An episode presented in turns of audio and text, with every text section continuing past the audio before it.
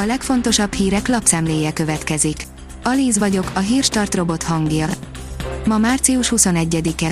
Benedek névnapja van. A Demokrata írja, a rezsicsökkentés hosszú távú mérlege. 2010-ben hazánkban volt a legdrágább az áram és a földgáz az EU-ban, tavaly nálunk volt a legalacsonyabb a gázár, és a második legolcsóbb az áramára. Az Autopro oldalon olvasható, hogy autók, amikkel a világból is ki lehet menni. Akármennyi időre is tervezünk egy autóval, a lényeg, hogy mekkora futás teljesítménnyel számolhatunk vele. Az M4 oldalon olvasható, hogy csúcsra érő vírushullámban lett Budapestből európai foci főváros. Budapesten több európai kupamérkőzést rendeztek 2021-ben, mint a kontinens bármely más városában, mondhatjuk, Budapest lett az európai foci főváros, közben a koronavírus világjárvány újabb hulláma rekordokat dönt itthon, az egészségügy óriási nyomás alatt dolgozik, s szigorú korlátozások sorát kell betartanunk.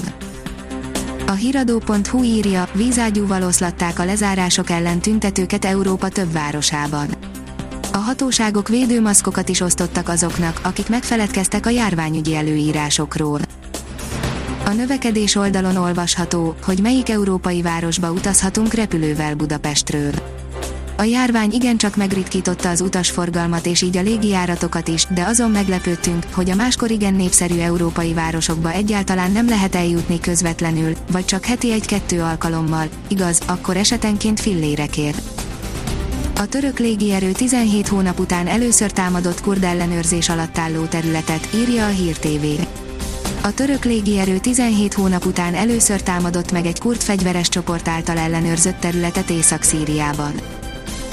Az ATV írja, életekbe is kerülhet az oltás ellenesség a COVID-19 járvány mellett egy nehezebben észlelhető, elsősorban az elmét támadó fertőzés is globális méreteket öltött, ez a vírus mellett, hogy az adott egyén szervezetét fenyegeti, a környezetében élők egészségére is pusztító hatással lehet. A vezes oldalon olvasható, hogy eltűnhet a vidéki utakról a legendás Ikarus az Icarus 261 korona hazai helyi és helyközi közlekedés meghatározó járműve volt, bár még a típus utolsó mohikánjai ma is közlekednek a Volán busz színeiben, valószínűleg idén mindegyik nyugdíjba vonul, megnéztük, hogyan is indult ennek a típusnak a vidéki karrierje. Az Infosztárt írja, nagy kedvenc a tej, de mi a helyzet a helyettesítő italokkal? A magyarok szinte mindegyike egyetért abban, hogy a tej egészséges, és minden életszakaszban szükség van rá, ez derül ki abból a kutatásból, amit a tej szakmaközi szervezet és terméktanács megrendelésére készítettek. Rezidensek, az egészségügyben nincsenek inasok, írja a hírklik. A Magyar Rezidens Szövetség közleményben kérte ki magának, hogy Orbán Viktor leinasozta tagjait. A Demokrata szerint Tokiói kvótát szerzett a magyar válogatott a magyar női együttes a 2008-as pekingi negyedik helyezés után jutott ki újra az olimpiára. A kiderül szerint több helyen havazással zárul a hétvége. A napos időt követően vasárnap délután egy frontrendszer felhőzete éri el hazánkat, több felé számíthatunk kisebb havazásra, hózáporra az országban. A Hírstart friss lapszemléjét hallotta. Ha még több hírt szeretne hallani, kérjük, látogassa meg a podcast.hírstart.hu oldalunkat, vagy keressen minket a Spotify csatornánkon. Az elhangzott hírek teljes terjedelemben elérhetőek weboldalunkon is.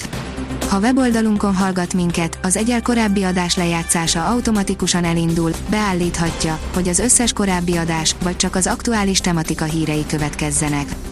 Köszönjük, hogy minket hallgatott!